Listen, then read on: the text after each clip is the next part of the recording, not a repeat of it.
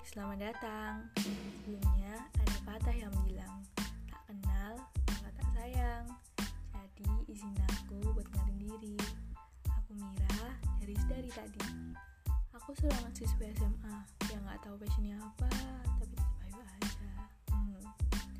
Mungkin di sini akan cerita tentang tujuan bikin podcast ini.